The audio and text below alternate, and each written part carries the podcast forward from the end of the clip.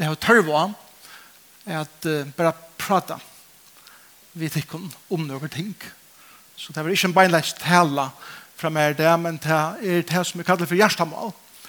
Og det er noen ting som uh, jeg føler at uh, vi som samkommer har bruk for å være mynt da. Og da jeg sier vi som samkommer, så mener jeg først og fremst med sjolvan en rekva atter og an noen ting at, at uh, ui liven og vi er jo så opptidsen og vi heva så nekv og vi heva så rann ikke tæna seg i gang i samkomne at uh, det er latt at gløyma noen ting som uh, vi fra byrjan av uh, heva se som hjertamal og uh, nekv nudj folk koma inn i samkomne alle tøyna som er litt og forskjellige ting er avgjørt i samkomne her som man annars, som, som er så nødt til å ikke vite om. Og jeg husker mer at når jeg er sunder i midtelen, jeg bare tar seg om det. Og jeg kaller det for hjertemål. Og det er ikke bare mine hjertemål, men det er eisende hjertemål som, som vi som samkomne har sett dere fire at, at heve. Og hvis det ikke tas som hjertemålene, så, så blir det jo ikke hjertemål langer.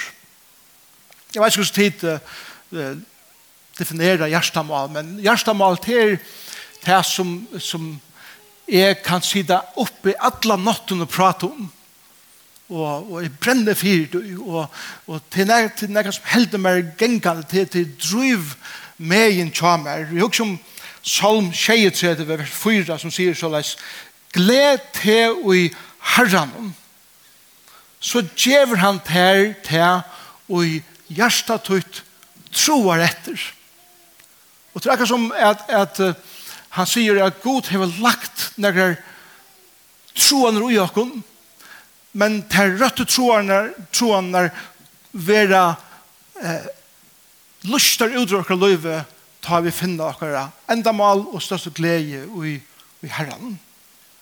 Jeg står der og fyrst og rører han ekven løyven. Jeg husker ikke bare om hessa pumpene inne i herben som, som pumpar blåve eh, rundt likheten, men Bibelen brukar eh, hjärsta som en tjattne av løyven. Han sier til dømes i Matteus eh, 12, 4, Jesus sier så leis,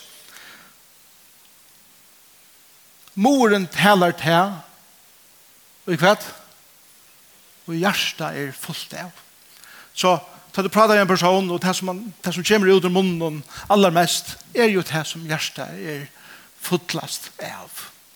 Og tog kunne du ofte døma eller meta en person etter hva det er som flyter ut av munnen som vi kommer til. For et annet vers i Hebreabran 12, nei, 4 vers 12, som sier Tog årgods dømer hoksaner og rå hjertans.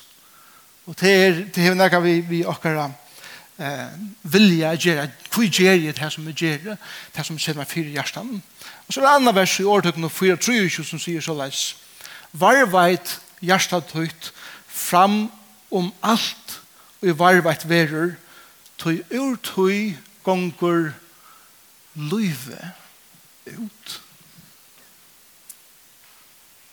Hva for løyv gonger ut ur okken som personer og, og som, som samkommer?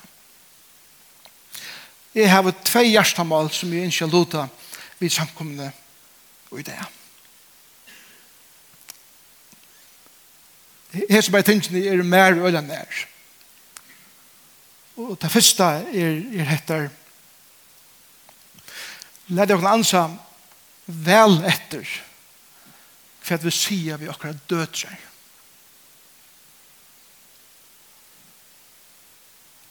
Lad dere ansa vel etter hva vi sier vi akkurat døtre.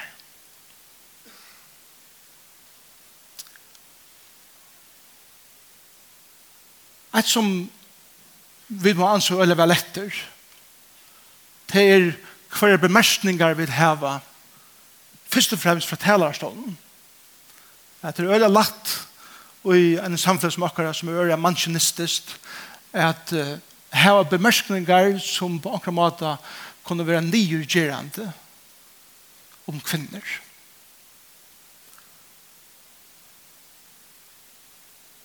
krøniker som på akkurat måte eh, minka om vire og en kvinne. Og hver og en maver som hever slugan eh, bemerkning minka reisning om vire av seg sjølv. Og det som vi ser ut hui er hettar at jeg har tver dødrar. Ein av de Gjørtes og ein av de Karita. Og Og så har vi en drong midt i middelen som heter Josef.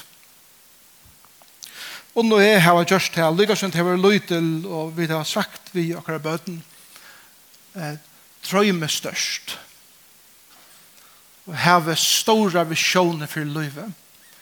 Sjåte høgt og minst til at God har givet dere gaver som eh, er å avmarska er ta det kommer til for at dreymar han hever for tikkar av liv. Se det kun fire at, at uh, jeg sutja hva det er som har noe lagt ut i ikon og hvordan det innskja er livet til hver liv. Og det er fantastisk å sutja da i bøttene byrja at blomstre er det ikke foreldre Og sorgen er lykka stor hinne veien, tar vi sutja at her er okkur som, som stender i veien for at, at her blomstra.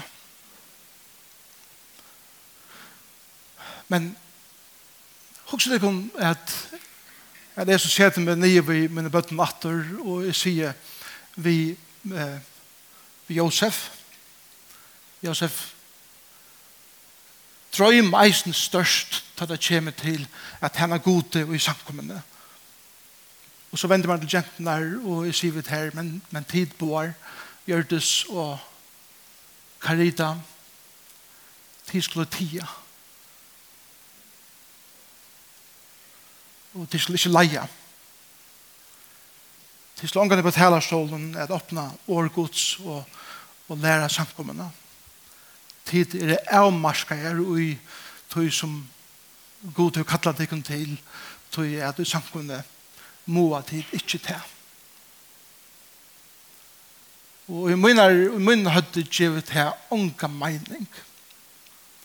Jeg god sier vi sunne bøten eh, drøyme størst og livet til tikkar dreymar og, og blomsu tikkar gavun som jeg vil givet tikkun.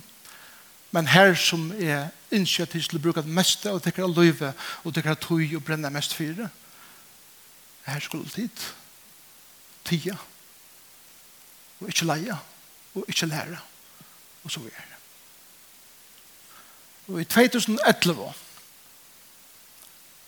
får vi til jøkken skriften er at hitje er at øtlen hesten skriftbråten som, som, er, som er brukt så nekk for motor kvinnen og vi, vi hukte etøy og vi kom til den nye støve at vi løvdene i hesa samkomne. Her var kvinner, så vel som menn, fralse og setter fruer at tjene vi ødlom dem gaven som god til vi give teimen til kong kvinner. Og til pasjonene og til gavene at leie og at lære og at undervise og at, og at blomstre lykka mye hver det er her beint. Det er tid friar til. Og vi har bruk for at minna og at teater. Tøy at jeg hitje er at ikke bare akkurat landet, men hele tiden om oss, så er blå vi hatt det rådje er vera at på akkurat måte at halda temarhalt, av øren kinnen, og at, at gjøre Guds kall i løven til nekka som er kinsbonte. Jeg vil lese vers 4, du kom i Galaterbraun 3,28. Paulus sier her beint, her er ikke jød eller grytje, her er ikke træler eller fralser, her er ikke mæver eller kvinna, tøy tid er ødel eit og i Kristi Jesus. Og det som Paulus sier er til en nudj tøy komen, hver til ungen etniske moner av folket, for det kommer til at tjene herren vi tar med gaven og tar med passionen som han har givet dem. Her er kvartje, grytje eller gjøte. Det neste er, det er ikke sosiale moner av mennesken hver ut i tjene, og hvordan de bruker sine gaver til det kommer til trealer eller fralser, ryker eller fadekker eller hva det så er. Vi er en sankomme, tjene vi grunn av hver gaver god til vi giver oss, hva hver hjertemål han giver oss, og hver han kaller oss tjene. Og det er ikke moner av kine, hver og hvordan vi tjener gode og, og ut fra en samkomme. Vi er første med over kvinner, men vi er ødel eit og i Kristusen. Og Paulus brukar dette her eh, øle ironisk. Jeg vet ikke om det minnes vi var där men vi tar at her. At han citerer faktisk en av en bøn som farsierne bo i en ære bok som hadde Mishna. Og her får en, en, en, uh, jøte, Vanliga var det en prester, en skriftlærder, og han reiste seg opp i synagogene, og han ber så leis god, jeg takk deg for at jeg er jøde og ikke grytt. Jeg takk deg for at jeg er fralsor og ikke træler. Og jeg takk deg for at jeg er maver og ikke kvinne. Han var bønn. Og Paulus venter han i høtte og sier, han den bønnen er ikke galt han langer til ta og vi vil komme inn og lik ham Kristus er og vi vil bli en eit vi honom så er vi deisne eit saman. Og det er Kristus som definerer hva vi er og, og hva vi gjør og hva vi gav vi bruker og ikke etniske hormoner eller sosiale hormoner eller kinsmoner jeg føler at jeg må minne samkommende og hattar. Jeg vet jeg har bruk for er at ansa etter hva vi sier vi akkurat dødser. Og vi ansa vel etter hva vi sier vi akkurat siner. Så, så at de ikke opp, eller vekser opp igjen i generasjonen hver teg. Gjeramon. Amen. Amen. Amen.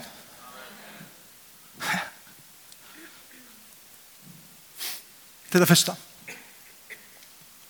eina, eit hjärsta et rett.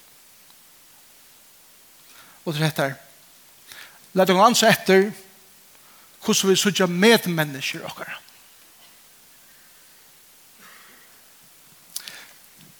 Hva hava en fraskilder pape, en ateister, en samkinder, en anlig mamma, en kinsbydninger, eller en som byder om kin, en frafattelen kristen, et skilsmissebaden, en leitande forvirrere kunstnere, en skeptiskur akademikere, og en ekstremt opptidje karrieremenneske i fela. Hva halda dit her i fela? Hva skapte min gods. Det er menneske. Ja.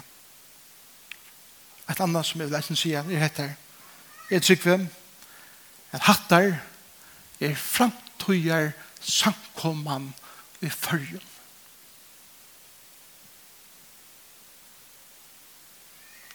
Det var en kjammen.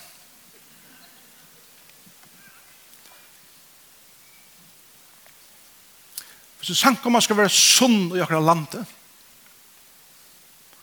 så er hatt av falskjene som skulle mynda akkurat sankommer fremover. Vi er ikke livet enn.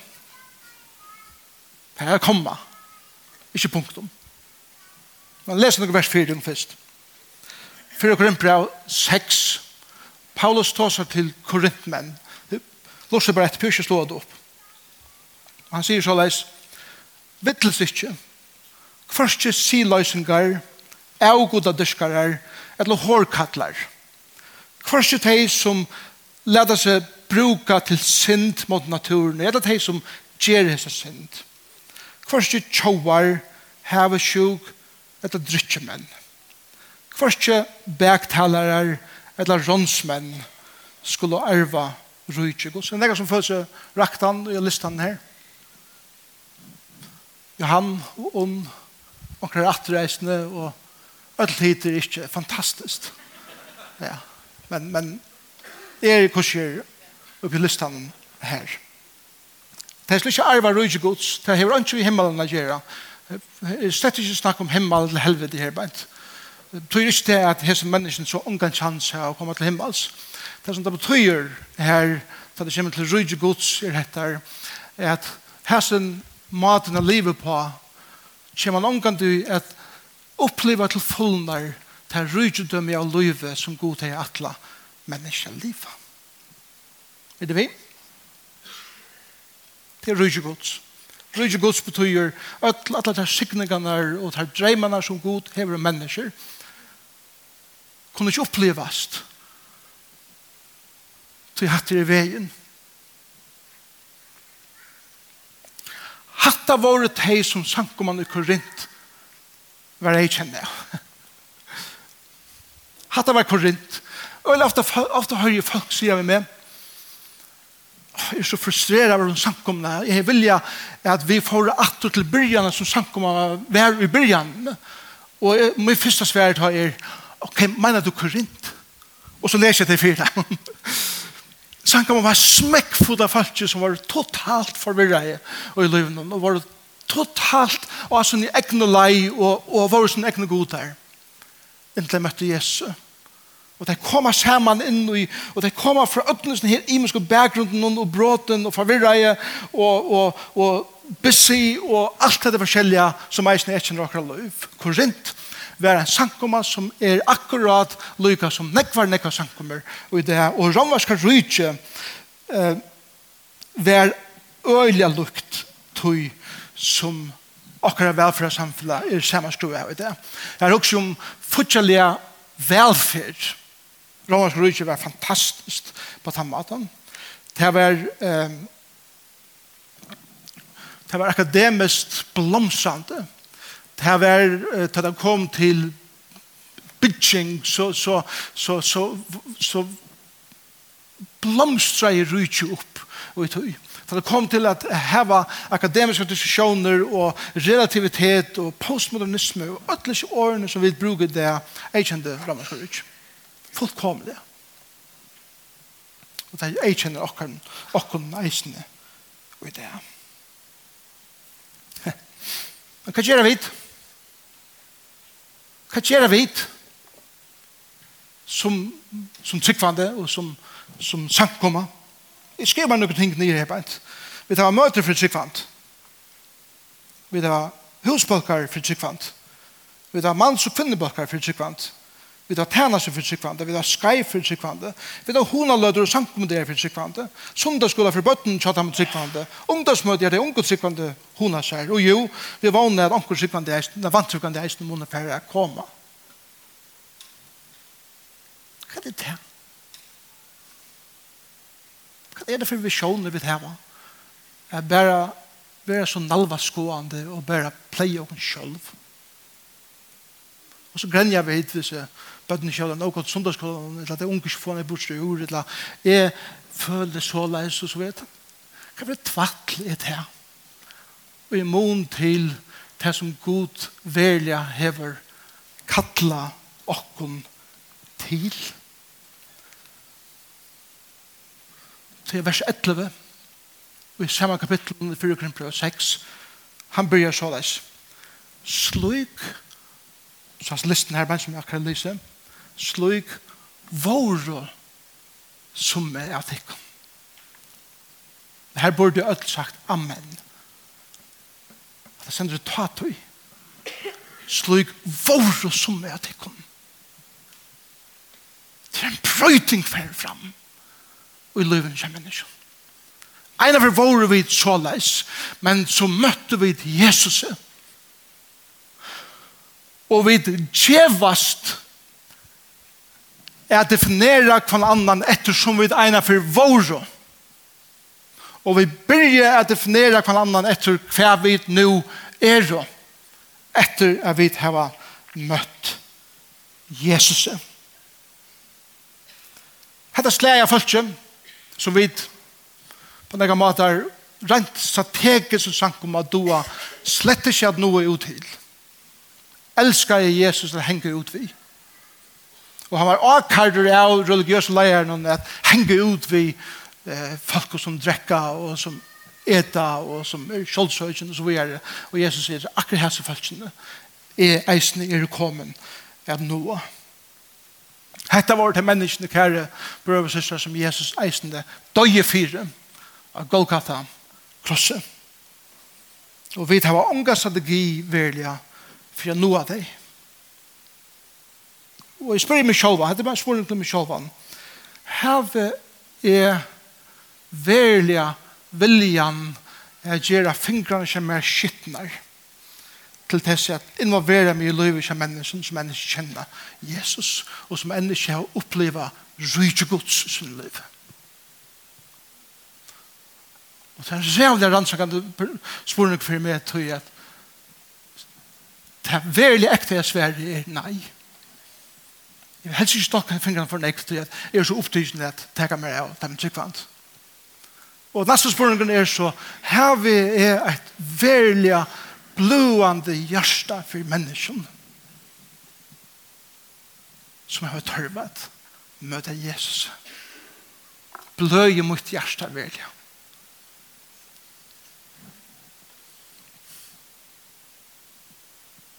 Så hjertemålet til en person det er ikke samsvarer vi løvstøyl, så er svære nei.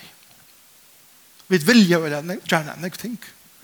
Men det er ikke ærlig at hvordan livet, så må jeg si at mitt hjerte bløyer ikke noe negv. Fyre slike mennesker. Og vil jeg be for meg, At mitt hjerte skal bli blå av meg. For har som menneskene, som vi ber for hver øren at dere hjerte skal blåa meg for mennesken som ikke hadde funnet på å komme ned i luften. Det er her det er bensje for å være dømt enda mer. Kanskje ikke vi akkurat året, når vi sier, men vi akkurat eion, eller vi akkurat mat, ganger om folk, og ikke helse på deg, og så vi er. Og, og vi ikke bjør dem vi, disse menneskene. Som vi er for vår. Men det er ikke slik langer, sier Paulus. Slik som tid, eller summe av tikkun, våre, og tatt og. Og så sier han, hvor er i versversen, men tid har han lært tikkun två. Det er fantastisk. At, at skilje at her er sted jeg kan komme til, at få en rensende effekt innom mitt liv. Og tid er vår halka. Og, og det er Han det er en bådskapen er av at lyga mykje kvar du erst, lyga mykje kvar du løyv vi hos her ut, lyga mykje kvar du tøyn bagasje er, lyga mykje kvar du strøyes vi i løyven, så kjem du her, du har møtt Jesus han er i en prosess er gjør okkur rein og gjør okkur meir og meir lyks her men eisen er at han har sett okkur til suyes det er som det betyr over halvkaver vi har sett til suyes til denne avvisa oppgave eller annet avvisa dreim som han er fyrir tøytum mitt liv Og tog må vi lade hver annan vita, atter og atter, ikke bare fra talerstånd, men hele tiden, at to og to og to og to og jeg og vi ødel er særstegje personer som god til å valgt. Jeg sier det til syes. For jokken. Jeg vil være klok. Jeg vil være strategisk. Jeg vil være eimjuk. Jeg vil være fotlig karlæka. Vi tror vi eier er ferdig ut at noe av mennesker og troppa nekv av oss her religiøsa hytjenen tjak. Og la det være vi er grenja om ting hva vi ikke føler oss noe vel og ikke være tant noe vel og så videre. Tess meira nalva skoan vi der, og tess meira grenja til vet. Men tess større visjoner vi heva ut og tess meira skittna fingra vi fua, og tess meira jørstakkara bløyer for øre menneskjon. Tess minne fokuserer okkur sjálf. Og vi røkker ut til mennesker som Jesus døye fyrir. Og vet du hva, jeg er snihalte om noen år, så var det hese følelsene som en dag var eldst her hebent. Det var hese følelsene som en dag var tænare i ruse samkommen hebent. Det var hese følelsene som kom a leia tænaster og leia ånd mennesker til herren. Det var hese følelsene som kom a stande her hebent ta er trakka over ut henne og stande og lære samkommene. Det velvidende hva det kommer fra, som gjør dem en enda større vekt og jeg taler over Guds som er ombrøtt til liv. Hatta er fremtøyer samkomman og i følgen hese menneskene som vil leva sammen i. Og tror jeg vil enda ved å si kære foreldre la du kan anse etter hva vi sier akkurat dødsar og akkurat synder Det er minne akkurat, minne akkurat døter av at her er det frelser og i livet om at livet kommer vi god. Det er minne akkurat døter av at vi samkommende kunne til tjene god at han hatt som han har kattlet der, som han har givet dem gaver, som han har givet dem personer, og vi skal ikke stande veien for å lete her blomstre. Lete dere minne dere syner av At han ikke prøver seg nye gjøre ånden for å opphøye seg selv. Og at han ikke prøver seg å være bengtene for å missa makt ved å djeva til ånden. Det er noen minne akkurat bødene og hattar. Det er noen minne sankumene og hattar som brøver og systrar er ved eit. Og kæra sankumene, la oss ikke minnes, la oss ikke glemme dette hjertemalet Vi er ikke i krutsk vi okra medmennesker det er så ofte vi opplever at det er vid i måte teimen, som om at det er krudj som ganger fyrir seg. Krudj er ikke i middelen av medmennesker. Krudj er i en helt ørn nivå, som er Efesus brev og tåser om, at det er, det er ikke i middelen holdt og blå av futsinskaperen stender, men det er her ute i himmelrummen, middelen andaverner og makten her ute av krudj stender. Men i middelen av mennesker, som ikke funnet bare komme i luften til at vi er så fordømende, eller hva det så skal være, eller at de føles så fordømt, eller så glemt, eller så forvirret i luften at de vet ikke hva de skulle. De er jo ikke akkurat futsen der Vi er ikke krukskip, vi er ikke krutsk, vi er et bjergjengarfela, som færre ut i fjøtlene, er leidet til teimen, som på en måte blir vekk og som blir fortapt og som missa vågna i livet. Hatt er okkar hjertamal. Hatt er det som vi kattla i til. Hatt er det som hjerta eiver fullt av så det flyter ut ur munnen. Hatt er det som hjerta eier er pumpa så jeg sier at livet spræner ut i akranar og fingrarna i sjaken. at livet hatt er sleie. er livet om at Herren først og fremst hjelp meg her som leier han i samkomne jeg vil en slyker og jeg har nekk for arbeid jeg gjør det og for å lære og nekk for å offre enn i min liv og måtte vi død og gjørst det Amen.